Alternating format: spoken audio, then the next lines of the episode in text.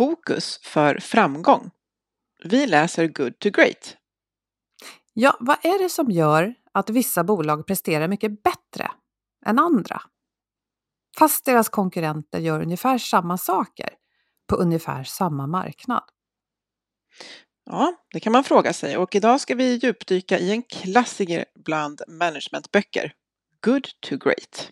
Mm, den är inte ny, men resultaten gäller fortfarande och vi tycker verkligen att de är värda att lyftas fram. Ja, och inte minst för att boken handlar om några av de här, den här poddens favoritämnen. Ledarskap, fokus, resiliens, alltså motståndskraft och om att människorna är den viktigaste resursen i alla organisationer. Exakt! Häng med så får du höra mer.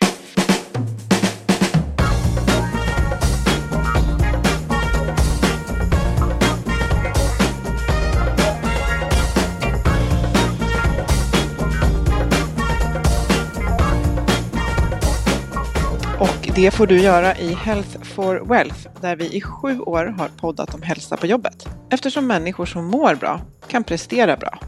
Och för att må bra behöver vi goda samarbeten, rätt resurser, handlingsutrymme och trygga ledare som har tid att leda.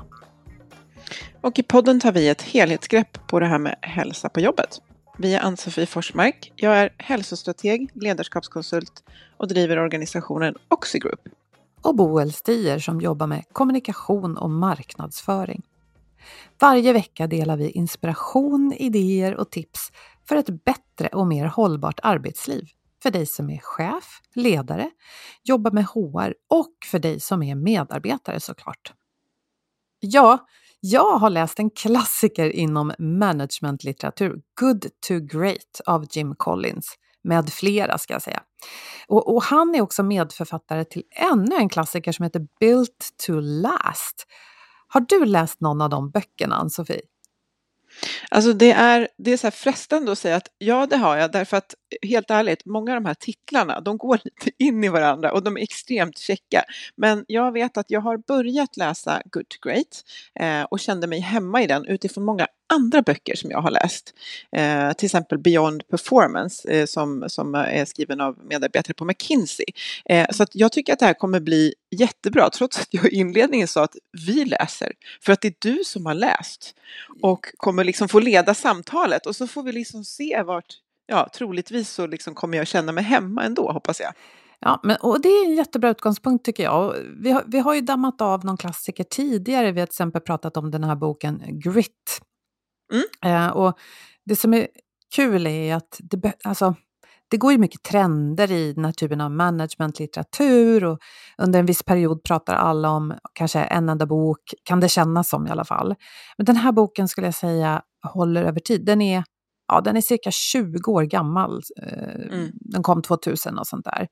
Eh, men som sagt, jag tycker att de här resultaten håller än. Och den handlar om vad det är som gör att vissa företags framgång bara accelererar och stiger långt över deras konkurrenters. Och här är det alltså aktieutveckling och vinst som mäts över en 15-årsperiod. Och, och, här kan man förstås fundera på, aha, är det aktiens utveckling som är det perfekta måttet? Eh, och ja, det kan man ha invändningar emot, men det är ju trots allt ett väldigt tydligt mått som betyder att ett företag mår bra ekonomiskt och överlever och att folk kan behålla sina jobb. Så jag köper det måttet, även om jag eh, kan hålla med om att det finns helt andra mått som är jätterelevanta också. Ja, men eh, eh, om man tittar på liksom aktiebolagslagen så är ju liksom det syfte som man kliver in i då, det är ju att generera eh, liksom vinst till ägarna så att, eh, och, och, där hänger ju aktiekursen med. Så att det är ju inte, det är inte konstigt. En reflektion över att att den håller, liksom, eh, vi ska ju gå in och titta på vad den handlar om, eh, men det är ju just att det fortfarande liksom kanske handlar just om liksom, människor, eh, mm. men sen kanske utmaningarna eh, som utmanar har, har skiftat. Jag tänker i den tid vi är i, i nu. Eh, men men det, det blir lite intressant att liksom kanske titta på det med så här tryck, trycktest, liksom. inte att du och jag ska kunna bestämma om den håller eller inte. Men eh, jag tror att den kommer göra det. Det ska bli jätteintressant att, att, att prata om den. Mm. Bakom boken finns en flera år lång studie där Collins och hans kollegor de jämförde ett antal bolag vars resultat var enastående och, och där de här resultaten alltså höll i sig i 15 år. Eh, och de jämförde dem med bolag som till en början verkade precis likadana. De sålde ungefär samma slags varor eller tjänster på samma marknad och det gick ungefär lika bra för dem. Men så hände något som fick då aktien för den ena att sticka iväg och prestera bättre. Och ett exempel på ett sånt här bolag är apotekskedjan Walgreens. För, för den här studien, det kan jag ju skjuta in också, den, den jämför siffror på den amerikanska marknaden. Eh, och den här apotekskedjan Walgreens, det gick medelbra för dem i 40 år. Liksom helt okej. Okay. Inte great, men good kan man ju säga. Och så 1975 så började resultaten att accelerera. Och från 1 december 1975 till 1 januari år 2000 så slog en investerad dollar i Walgreens teknikstjärnbolaget Intel med nästan det dubbla. Och de ökade 15 gånger mer än snittet på den amerikanska börsen, inkluderat då den stora IT-börsuppgången 1999. Så det är ju ganska maffigt. Ja, och om jag förstår det rätt så var just den här uppgången, det var, den var, liksom, den var långsiktig, för det är ju det som är intressant. Man skulle ju kunna piska fram, eller hur man ser på det, en kortsiktig eh, ja. framgång. Men här handlar det om den här långsiktigheten som Precis. ställer liksom helt andra krav på vissa faktorer som jag tänker att vi då kommer få prata om. Ja, så det är det ja. det ska handla om. Vad, vad var det för... Alltså det, det, är ett antal faktorer som de kom fram till och de blev många gånger förvånade själva. Eh, faktorer som var gemensamma för de här bolagen och nu minns jag inte om de var 20 eller om de var 12, men någonting sånt då. Eh, och den, den första som de också tar upp först i boken, det är ett ledarskap som de kallar för ledarskapsnivå 5. De har alltså gjort som en karta från en nivå 1 upp till nivå 5. Och kortfattat, för vi kan, vi kan inte riktigt, vi har inte utrymme att djupdyka i alla detaljer. Men kortfattat kan man säga att det handlar om att ledarna i de här bolagen, de är ödmjuka personligheter och de har en uthållig målmedvetenhet. Och det är den här kombinationen, att de, de kör mot målet de, utan att vika och är samtidigt ödmjuka. Eh, de är alltså inte eh, Donald Trump.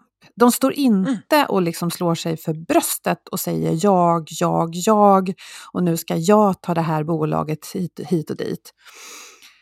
Utan, och det här är ju nyckeln då, de vill att organisationen ska lyckas och är inte i första hand på jakt efter personlig framgång. Mm. Och jag gissar där att i det här att vilja att organisationen ska lyckas så ligger ett brinn för att se människor utvecklas. För det är det den här ödmjukheten och, och prestigelösheten som, som också liksom känner igen från att ha läst om framgångsrikt ledarskap på andra håll. Eh, det är ju Eh, och det här är ju så intressant, vi ska som sagt inte försvinna ner i ett djupt hål här, för vi, vi, poddar, vi mm. kan podda vidare om specifikt ledarskap en annan gång och vi har ju gjort det. Men just det här att jag vill inte bli ledare för att jag ska hävda mig själv, utan jag vill bli ledare för att hjälpa till eh, ha den här uthålliga målmedveten och hjälpa andra att lyckas.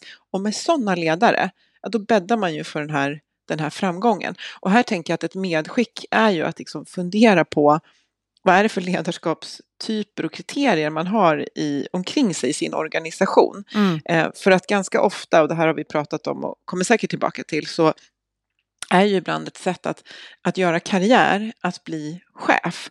Och må så vara, men den viktigaste drivkraften är ju det här som du beskriver, att man vill utveckla andra. Och då tror jag att eh, och då behövs det liksom ett annat sätt att eh, se på, rusta och belöna ledare. Ja, men visst är det så. Och jag tänker att som chef kan det också eh, vara lite lugnande och känna att det handlar inte om dig. För det mm. tror jag lätt man kan tänka att åh, jag ska vara karismatisk, jag ska vara ansiktet utåt, alla ska älska och lyssna på mig. Eh, nej, det behöver inte vara så, utan om, om man har organisationens bästa som sitt fokus, plus några faktorer till då som, som beskriver mm. just vad organisationens fokus är. Då, då är man på god väg att bli en sån här nivå 5-ledare. Och jag kan dra ett exempel ur boken. En eh, person som heter Darwin Smith, han var vd för Kimberly Clark. Och, och det företaget kanske inte alla känner igen, men de flesta har nog sett de här näsdukarna Kleenex. Mm -hmm. Du känner inte till dem? Jo, jo, jo. Ja. Ja. Jag bara tänker att det är, det är liksom mm. en, en produkt från dem som många antagligen känner till. Kimberly Clark är idag en av världens största producenter av mjuka pappersprodukter, som de här näsdukarna då, och många andra produkter. Men det var inte så från början, utan eh, de, eh, till en början så sålde de eh, business to business, alltså andra typer av pappersvaror direkt till industrin.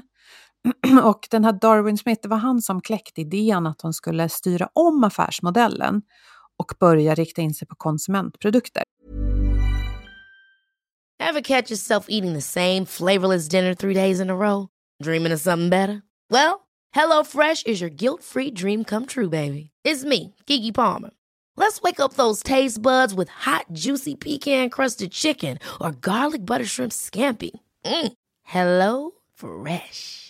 Stop dreaming of all the delicious possibilities and dig in at HelloFresh.com. Let's get this dinner party started.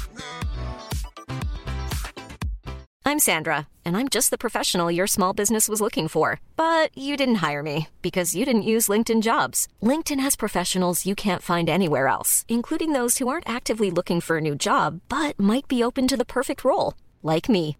In a given month, over 70% of LinkedIn users don't visit other leading job sites. So if you're not looking on LinkedIn, you'll miss out on great candidates like Sandra. Start hiring professionals like a professional. Post your free job on linkedin.com/people today. Quality sleep is essential. That's why the Sleep Number Smart Bed is designed for your ever-evolving sleep needs. Need a bed that's firmer or softer on either side? Helps you sleep at a comfortable temperature? Sleep Number smart beds let you individualize your comfort so you sleep better together. JD Power ranks Sleep Number number 1 in customer satisfaction with mattresses purchased in-store. And now, save 50% on the Sleep Number limited edition smart bed for a limited time. For JD Power 2023 award information, visit jdpower.com/awards. Only at a Sleep Number store or sleepnumber.com.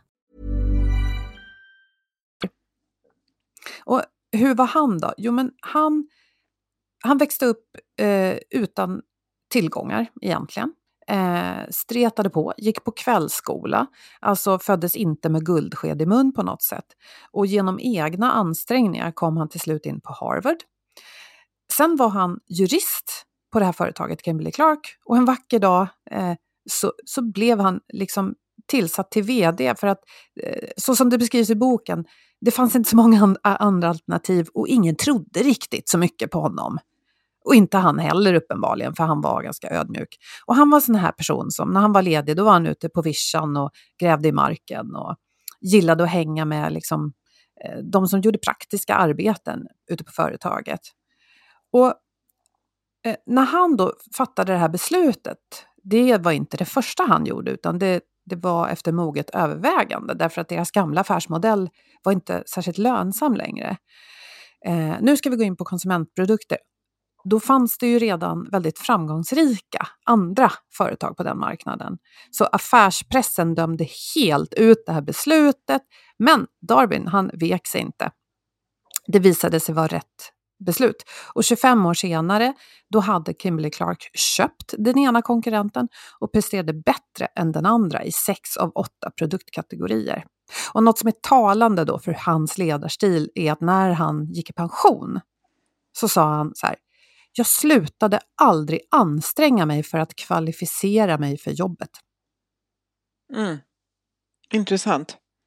Ja. Och, och det, det, är en sån här solskenshistoria och liksom så här, man, man, tänker också att, ja men, det, och den, den är ju verkligen, eh, ja det, det, är ett väldigt bra exempel, man tänker så här, ja, eh, å andra sidan så skulle han kunna ha stretat för någonting som, alltså inte alls eh, ledde till någonting, någonting bra, men ja. jag tror att de här förmågorna hos en ledare behövs för att det ska bli bra. Men du måste också ha kompetensen för att eh, driva mot, mot någonting som faktiskt har en chans att lyckas. Exakt, och det kommer mm. vi till lite senare. För något, mm. apropå fokus som vi har lyft upp i rubriken för det här avsnittet. Mm. Fokus, det är någonting som den här boken kallar för the hedgehog concept, igelkottskonceptet. Så mm. det är ju också eh, helt avgörande. Så man kan vara en sån här bra ledare, men det räcker ju inte för att få den här positiva ekonomiska utvecklingen. Men däremot tänker mm. jag att jag, jag, jag, tänker ju själv så här att makt korrumperar, det vet vi. Om man har en maktposition tillräckligt länge så kommer man efter ett tag känna att den här är min, jag har rätt till den här positionen. Liksom. Mm. Mm. Men så kände inte han och det tycker jag är värt att lägga på minnet. Mm. Det är ju ett exempel på eh, att inte ta för givet och att vara ödmjuk.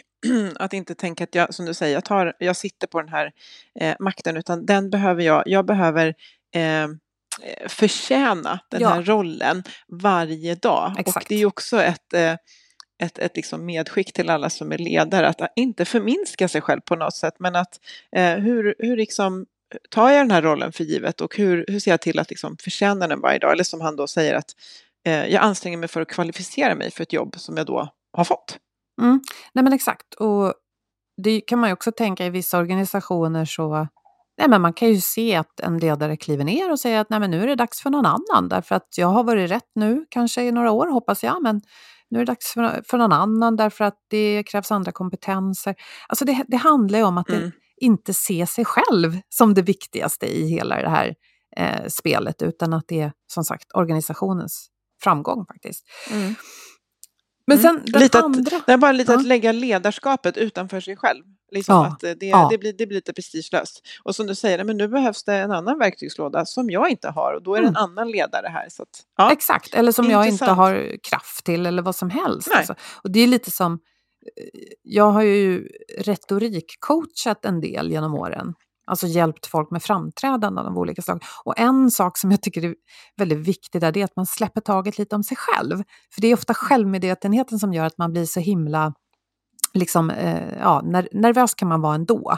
Men den där nervositeten brukar släppa lite när man inser att okej, okay, det handlar ju inte om mig, det handlar om det jag säger. Mm. Så om jag råkar mm. snubbla på orden, strunt samma, jag har något viktigt att förmedla.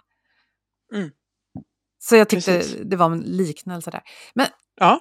ja, men faktor två här nu tyckte jag var jätteintressant.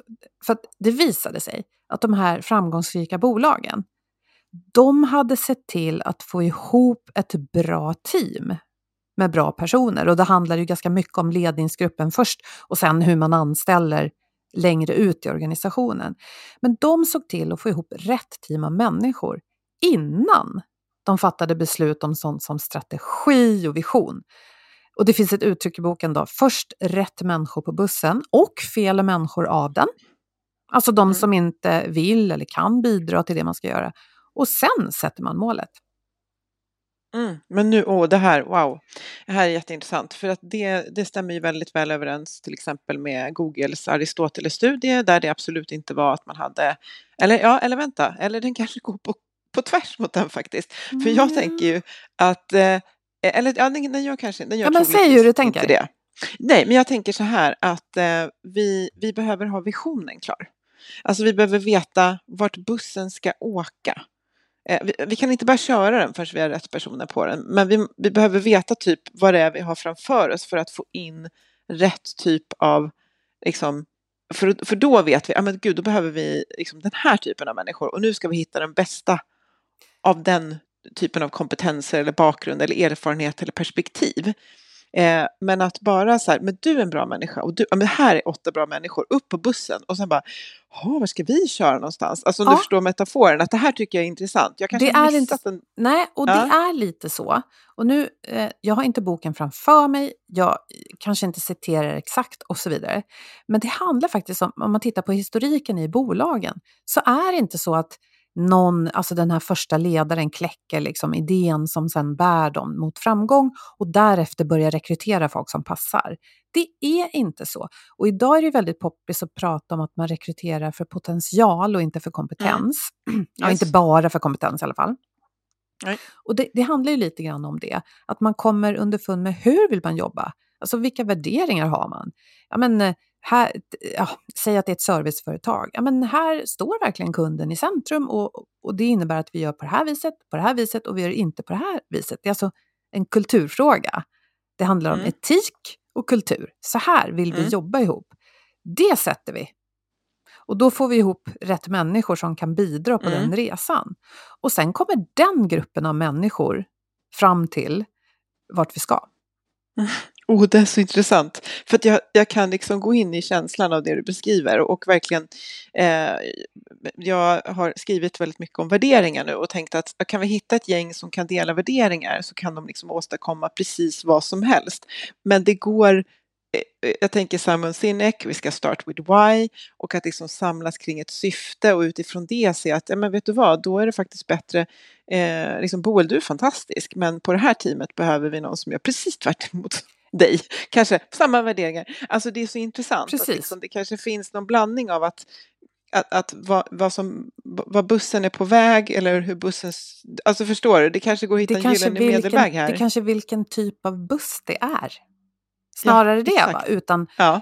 innan man hittar slutdestinationen eller liksom det mm. långsiktiga målet så vill man ha, mm. jag menar det här är en surfarbuss, vi är lite chilla, vi har sand mellan tårna, om någon rapar så är det okej, vi vädrar lite. Vi vädrar lite då.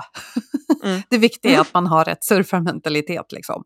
Jaha, mm. det är den bussen. Här har vi en mm. annan buss. ska vi åka? Ja, men mm. precis. Här har vi en mm. annan buss där vi, liksom, vi jobbar hårt, vi, ah, vi kanske inte liksom dricker en massa öl och sådär, utan vi, vi sover gott hela nätterna. Ja, men, fattar du?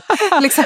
ja, jag fattar. Jag tror att det här, alltså jag tänker verkligen på våra lyssnare nu, att fundera. Kan man, kan man, kan man visa, här är lite andra människor, eh, som liksom, det kommer funka jätte, jättebra. Vi har inte riktigt bestämt vad vi ska göra, men det kommer bli jättebra. Eller behöver vi, så här, vet ni vad, här är ett supermeningsfullt syfte. Och sen utifrån det kommer vi ändå se att då krävs typ de här värderingarna, de här kompetenserna. Mm. Nu ska vi ut och hitta rätt människor. Mm. Ja, ja, det är jätteintressant, det här kan man fundera på. Ja, men det kan man. Och jag tänker att efter att ha läst den här och ett antal andra böcker i sommar så har jag, jag har ju varit ganska kritisk, det vet ni som har lyssnat på podden länge, mot en viss typ av arbete med värdeord.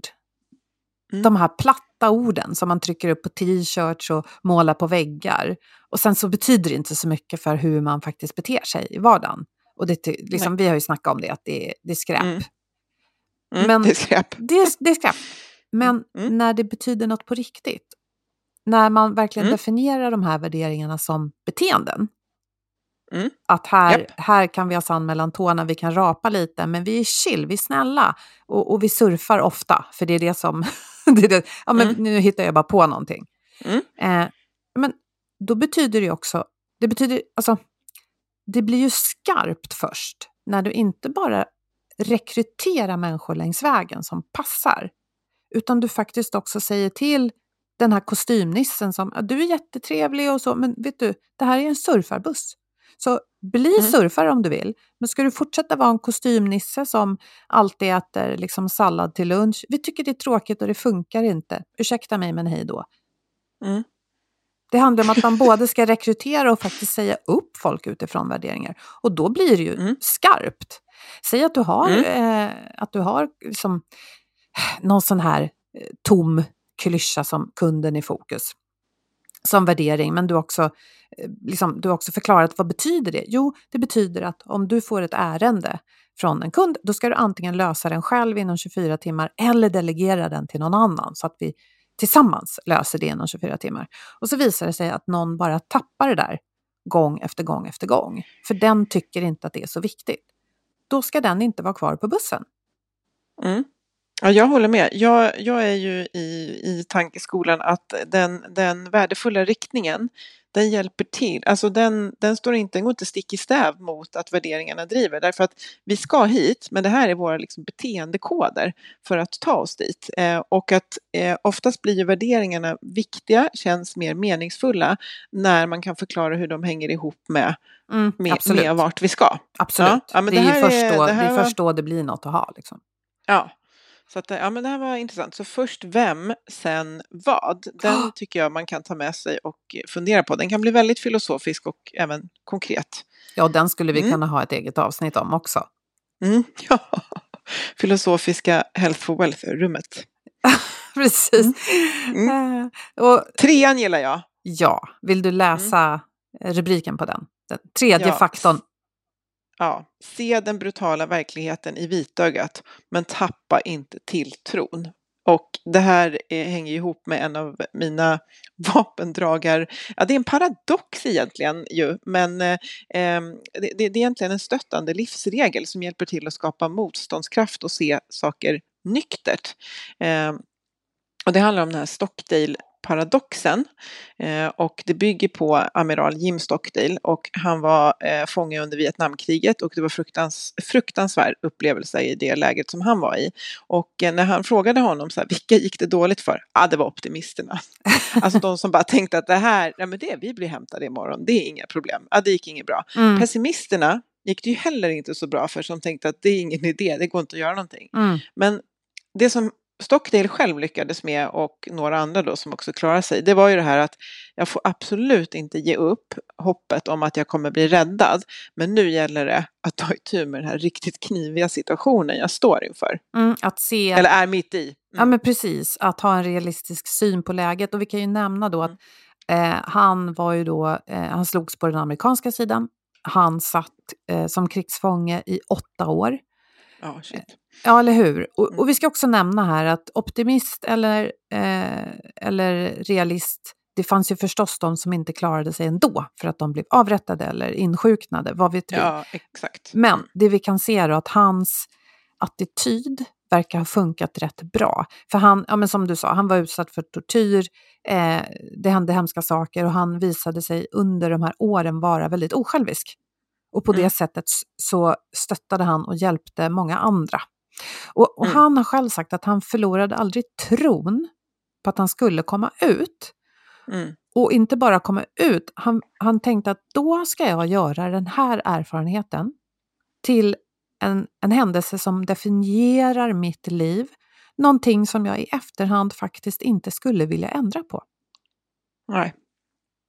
Ja, det, det är en väldigt stark, och jag tänker det, det finns ju ett, ett, liksom, ett exempel som ligger också nära, eller, eller exempel, men, men också forskning. Eh, det, det, är två saker som, jag ska försöka komma ihåg det andra, eh, men till exempel har vi haft Magnus Lindvall eh, i podden. Och, Psykolog. Eh, han är en, ja, psykolog. Han är en av de som också förklarar det här med att, att visualisering, alltså här blir så konkret exempel. Hade Stockdale bara visualiserat, jag kommer komma ut, det kommer bli så bra, eh, då hade han inte lyckats. Utan det handlar ju om att eh, se, okej, okay, det här är målet jag vill uppnå, men det här är, jag ser mig själv kämpa mot målet. Just det. För att annars luras hjärnan av att tänka att vi är redan framme. Mm. Eh, jag, blir hämtad imorgon. jag blir hämtad imorgon. Jag blir hämtad Nej, imorgon. Nej, ja, det hände inte. Mig. Det hände inte. Nej. Då blir jag hämtad i övermorgon istället. Ja. Ja, så vi behöver se det här positiva målet dit vi vill, men vi behöver också se hur vi ska ta oss dit. Det är precis som man ska ta sig an en fysisk utmaning eller ta sig igenom en, en, en arbetsdag. Mm. Eh, och sen också om man tittar på det Stefan Söderfjell jobbar med, psykologiskt kapital, det är fler som jobbar med det, men han är så otroligt sammankopplad till det. Mm. Då handlar ju vare sig hopp eller optimism heller om att man sitter passivt och tänker att allt ska gå bra, utan det är otroligt handlingskraftigt och lösningsorienterat fokus och kopplat till vad den här boken handlar om, det är inte svårt att tänka sig att i en organisation där det här eh, lever, liksom att vi, okej, okay, det här är våra mål, men nu måste vi kavla upp armarna och ta oss igenom. Framgångsfaktor, absolut. Mm. Mm. Precis, och då, jag tänker också att man behöver ju varandra för det här. Jag tror att det i alla fall är få som klarar en sån här kamp, antingen överleva en lång eh, fängelsetid eller eh, att klara eh, liksom, att driva upp någonting entreprenöriellt liksom, under många år. Det, vi behöver ju varandra. Mm. Och då Absolut. behöver vi se på samma sätt. Så att okej, okay, vi ska inte bara sitta här och säga att vi kommer ut till jul eller påsk, för att då knäcks vi när mm. det inte händer. Men vi ska mm. bara vi ska behålla tron på att det händer. Och som du säger, vi ska förstå att det är ett hårt jobb som vi behöver göra. Alltså det här att vara redo och stirra den brutala verkligheten i vitögat och göra jobbet som krävs. Mm. Mm. I love it. Jag det är älskar en härlig också. balans mellan att vara check och krass. Och det, ja. det, det, det, gillar jag i alla fall. Ja, nej, men verkligen. Och sen hoppas mm. jag då att man inte ska behöva utstå tortyr för, för att lyckas. Men det blir, som, ett, det blir som en symbol, liksom. en symbolberättelse. Ja. Men, men för att kunna sträva mot målet, jag menar sitter man eh, fängslad i, i sådana där förhållanden, ja då är ju målet att komma ut naturligtvis och överleva. Men inom, eh, inom affärsvärlden, eller förstås myndighetsvärlden, du, du kan ju ta de här, eh, de här faktorerna och applicera även på en organisation som inte har vinst som mål. Ja, men då behöver du i alla fall ett mål till slut. När du har rätt människor på bussen, rätt kultur, eh, rätt attityd, ja då behöver du ha det som boken kallar the hedgehog concept, igelkottskonceptet. Mm. Det kräver sin förklaring om man inte är bekant med det. Mm, det gör de är det. jättesöta. Mm. Ibland är de taggiga. Mm. Nej, men ja. Så här står det i boken då, att det finns en, en fabel som beskriver det här. Eh, den handlar om igelkotten och räven. Och räven vill, eh, vill ta igelkotten. Och den försöker, alltså räven är ju listig, det vet vi. Så den mm. försöker hela tiden hitta nya sätt att attackera igelkotten. Och den är supersmart och den försöker med många metoder. Men igelkotten den gör alltid exakt samma sak när den blir attackerad. Den rullar ihop sig och reser upp sina taggar. Och det här betyder då att översatt till affärsvärlden. Att den som vill framgång och hela tiden hittar på nya grejer. Nu ska vi köra retail. Nej, nu kör vi business to business och nu, nej, nu kör vi digitalt. Nu kör vi inte alls digitalt. Alltså, du fattar. Hela tiden nya sätt, eh, liksom eh, revolutionerande omorganisationer ständigt. Det kommer inte att lyckas. Utan de som lyckas, det är de som hittar hittar sitt koncept, sitt fokus helt enkelt. Och så kör de bara på, år efter år efter år. Så. Alltså, du vet att det är många som blir väldigt knäckta när du säger att om repetitiva omorganisationer inte löser problem. Alltså det, det är ju precis det som jättemånga håller på med. Vi bara förändrar, nej men nu förändrar vi igen, nej men nu ska vi göra det här. Och alltså det jag tar fasta på här, det är ju att det här handlar inte om att inte vara adaptiv, alltså att vara anpassningsbar till omvärlden, till exempel att eh, säga att internet är en fluga eller kanske säga att AI är en fluga, som kanske nästa, ja, alltså, eller nästa, det är ju, det är ju här, ja ni mm. förstår i alla fall, att, att det handlar ju inte om det, utan det här, det kopplar ju tillbaka lite till att liksom hålla i någon typ av eh, syfte och klara av att under tid kraftsamla för att verka mot det, för att annars är det ju som att sprida energi för, alltså i naturen kallas det för entropi, att det liksom sprids för vinden på något sätt. Eh, så att jag ser framför mig där eh, att igelkotten har ju lagt allt krut på liksom sitt, sitt vapen som alltid funkar. Mm, det är, eh, ja, oftast i alla fall. Mm. Och det är liksom, exakt, det handlar om överlevnad. Gör jag så här så mm. överlever jag. Precis. Och det jag, jag, tycker om det här. Jag tycker alltså, mer och mer, allt medan åren går, så inser jag i alla fall att fokus, det är, som det, det är det vi behöver. Jag mm. behöver mm. det under en arbetsdag. Jag behöver det i mitt privatliv. Jag behöver det på jobbet för min egen roll. Och jag behöver mm. det när jag ska förstå företagets syfte. För om inte jag kan besvara med en mening vad vi gör där jag jobbar. Om inte jag kan besvara med en mening hur jag bidrar med min roll. Ah, då blir det stökigt alltså. Mm. Vi har inte riktigt tid för det där. Eh, vi har inte tid för det andra heller. Och, och, och liksom, det är precis, jag tror att jättemånga behöver, och det här handlar om väldigt tuffa prioriteringar, tuffa och modiga. Och de kräver ju att vi stannar upp och klarar av att tänka och resonera tillsammans. Men vilken trygghet det är om du har det där eh, igelkottsförsvaret, liksom att det, det är det här jag ska fokusera på. Allting utgår ju då från det, det blir mycket enklare. Ja. Eh, jag brukar ju återkomma till den här den här anekdoten om det här eh, roddlaget från England som skulle vinna OS mm. och som liksom hängde upp allting de gjorde på kommer det här få båten att gå snabbare? Om ni inte gjorde det, en öl till på krogen, nej, nej. det får inte båten att gå snabbare, jag går hem och lägger mig. Eh, det, det, hjälper till och jag tror att som sagt det handlar inte om att inte vara lyhörd för omvärlden och vara adaptiv utifrån nej, kunders behov och önskemål. Nej, nej, nej. nej, nej för då, Precis, men exakt. För då är det så här, oj då, internet kommer, det var det värsta. Ja, men då får vi titta på vårt hedgehog-koncept. Kan vi göra det här även i en värld där internet finns? Ja visst, vi kör på. Vi kanske anpassar exakt hur vi gör det, men vi kör på. Samma, liksom, samma idé. Och jag kan ja. dra exemplet då, för jag nämnde ju mm. Walgreens där i början och hur bra det hade gått för dem. Att de är ett av de här great-företagen som undersöks i mm. boken. Eh, men de hade ett, eller har kanske fortfarande, vet inte riktigt, ett hedgehog-koncept som är så här. De ska leverera de bästa, mest lättillgängliga apoteken med hög vinst per kundbesök. Eh, liksom mm. ganska, ganska lätt att förstå. Det ska vara tillgängligt och bra och det ska, de ska tjäna bra med pengar varje gång en kund kliver in. Och det kan man ju tycka ja. vad man vill om. Om man tycker att vinst är dåligt så tycker man det. Men det är ett väldigt tydligt koncept. Och ja. Då jobbade de så här, när de hade hittat det konceptet och kunde börja mata på. Så, så fort det blev ledigt ett optimalt läge i en stad för en sån apoteksbutik, de hade alltså liksom, de hade kriterier för hur ett sånt optimalt läge var, ja då kunde de sälja en väl presterande butik som låg ett kvarter därifrån för att flytta till det bättre läget. För då visste de, mm. vi, det här matchar vårt koncept, då gör vi det. Och så etablerar de sig bara i städer där det här konceptet kunde funka.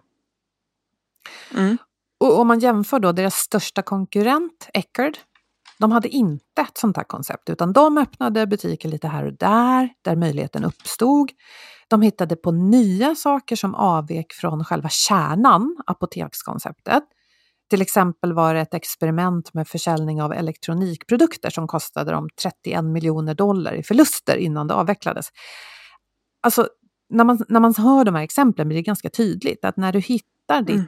fokuskoncept, som jag tycker nästan är ett bättre ord, när du hittar det och vet att det funkar, då är det ju bara att köra på. Att inte bli liksom att inte bli distraherad av att nu ska alla plötsligt eh, eh, ha en app. Ja, det kanske man ska ha, men stämmer det med vårt koncept? Nu ska alla mm. plötsligt eh, eh jobba med, eh, liksom, med en AI-chattbot. Ja, stöttar det vårt koncept? Fine. Gör inte det? Nej. Mm. Men jag tänker att det man brukar säga att om, om, man har en hammare då ser allting ut som en spik. Det, det är inte heller det det handlar om här. Utan, eh, det, för mig så låter det liksom att det, det är väldigt viktigt att vi, det här är problemet eller utmaningen som vi ska lösa mm. för våra kunder genom det här konceptet som är väldigt dynamiskt och adaptivt utifrån eh, Ja, men så vi, vi, test, vi pratade någon gång om att ja, men tänk om inte vi hade internet och skulle sprida podden. Syftet är kvar. Mm. Eh, men vårt koncept var att vi ska liksom, förmedla de här avsnitten till våra, ja ni får komma och möta oss på stan så delar vi ut liksom, kassettband. Liksom. Exakt. Liksom. Alltså, så här, det, det, är Eller så kör vi live eh, i parken ja. en gång i månaden. Ja. ja. ja. Speakers corner. Nej, men alltså att vårt koncept är faktiskt kvar, men mm. hur vi gör det, liksom, det får vi anpassa till omvärlden. Mm. Och det är också tydligt då vad man inte ska göra. För om man tänker på mm. vad det mm. andra bolaget gjorde, konkurrenten, de var så ah men nu blev en bra eh, butikslokal ledig. Ja, men då hade de inte de här tydliga kriterierna för vad en bra lokal var. Men det Nej. hade Walgreens. Ja, men den måste mm. vara superlättillgänglig. Mm. Och, och, de hade liksom klurat ut hur de skulle få den här höga vinsten per kundbesök, för det betyder ju också nöjda kunder. Ja. Så att, eh, ja, nej men det, det är smart. Och kontentan här är ju att företagen som lyckades, de gjorde det inte som en blixt från en klar himmel, utan det krävdes träget och hårt arbete. Och en sak som lyfts fram väldigt tydligt här i boken också, det är att bli bäst på sin marknad är inte målet.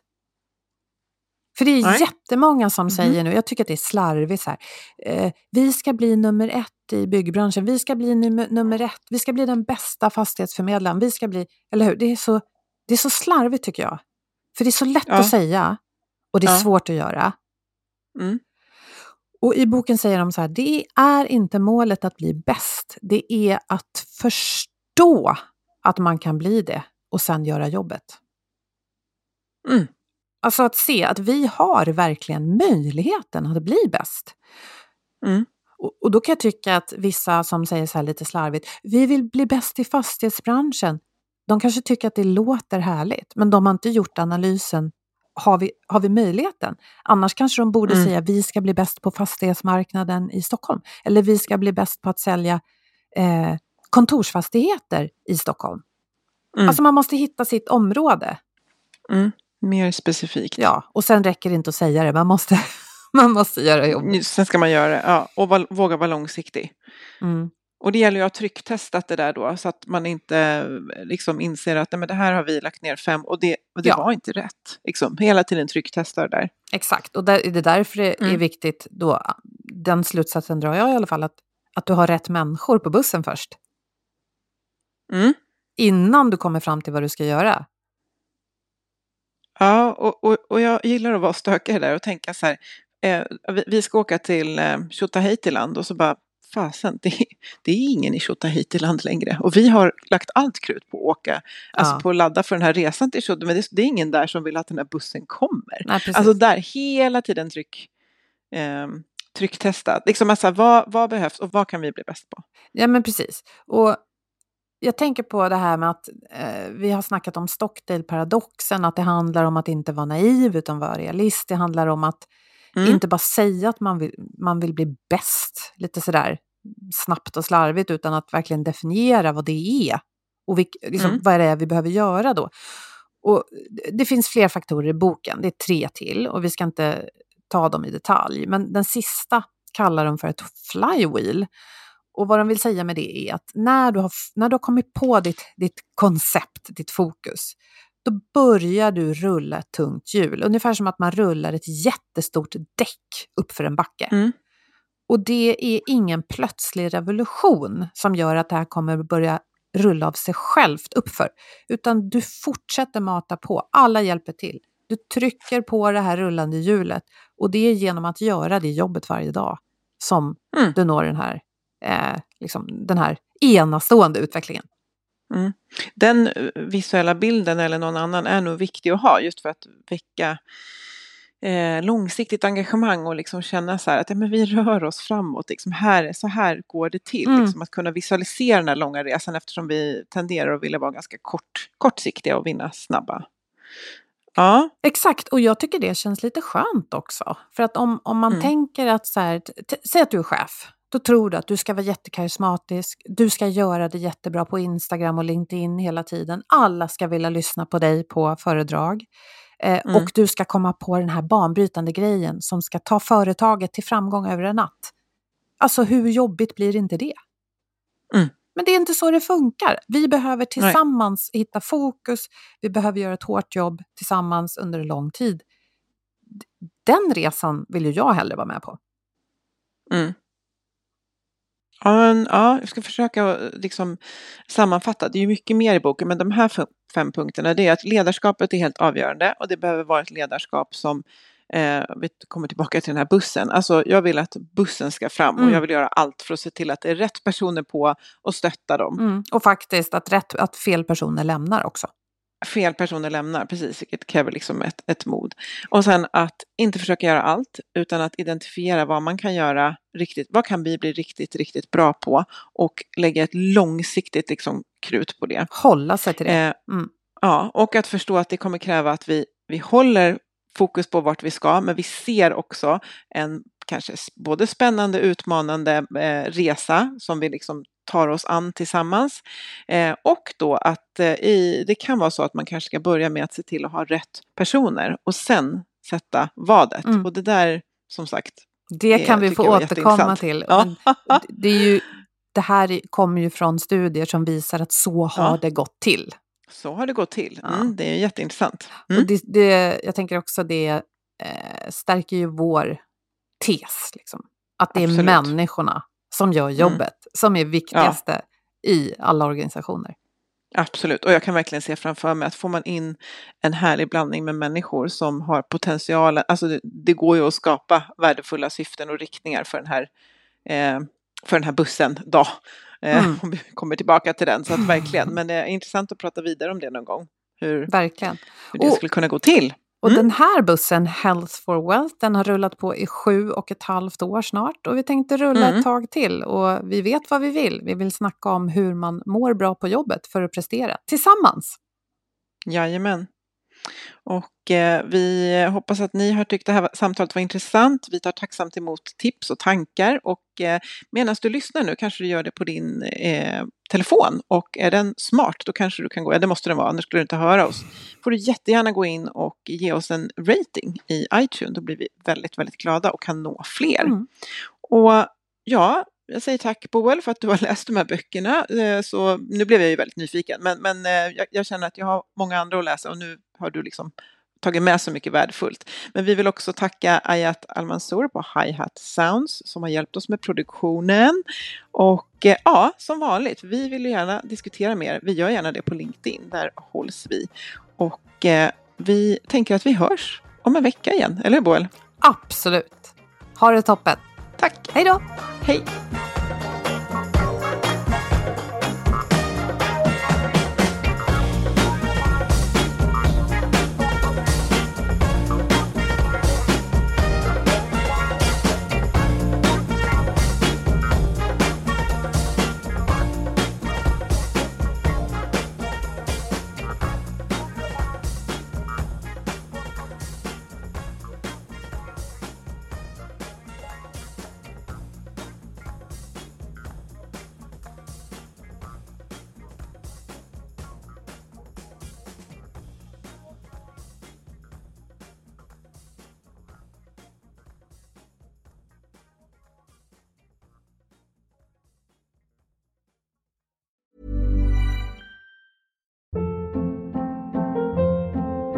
Hold up. What was that? Boring. No flavor. That was as bad as those leftovers you ate all week. Kiki Palmer here, and it's time to say hello to something fresh and guilt-free. Hello Fresh. Jazz up dinner with pecan-crusted chicken or garlic butter shrimp scampi. Now that's music to my mouth. Hello Fresh. Let's get this dinner party started. Discover all the delicious possibilities at hellofresh.com.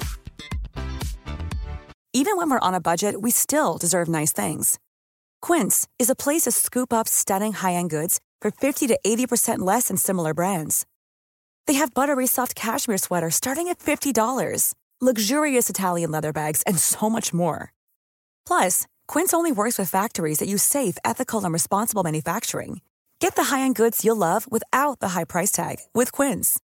Go to quince.com/style for free shipping and 365-day returns.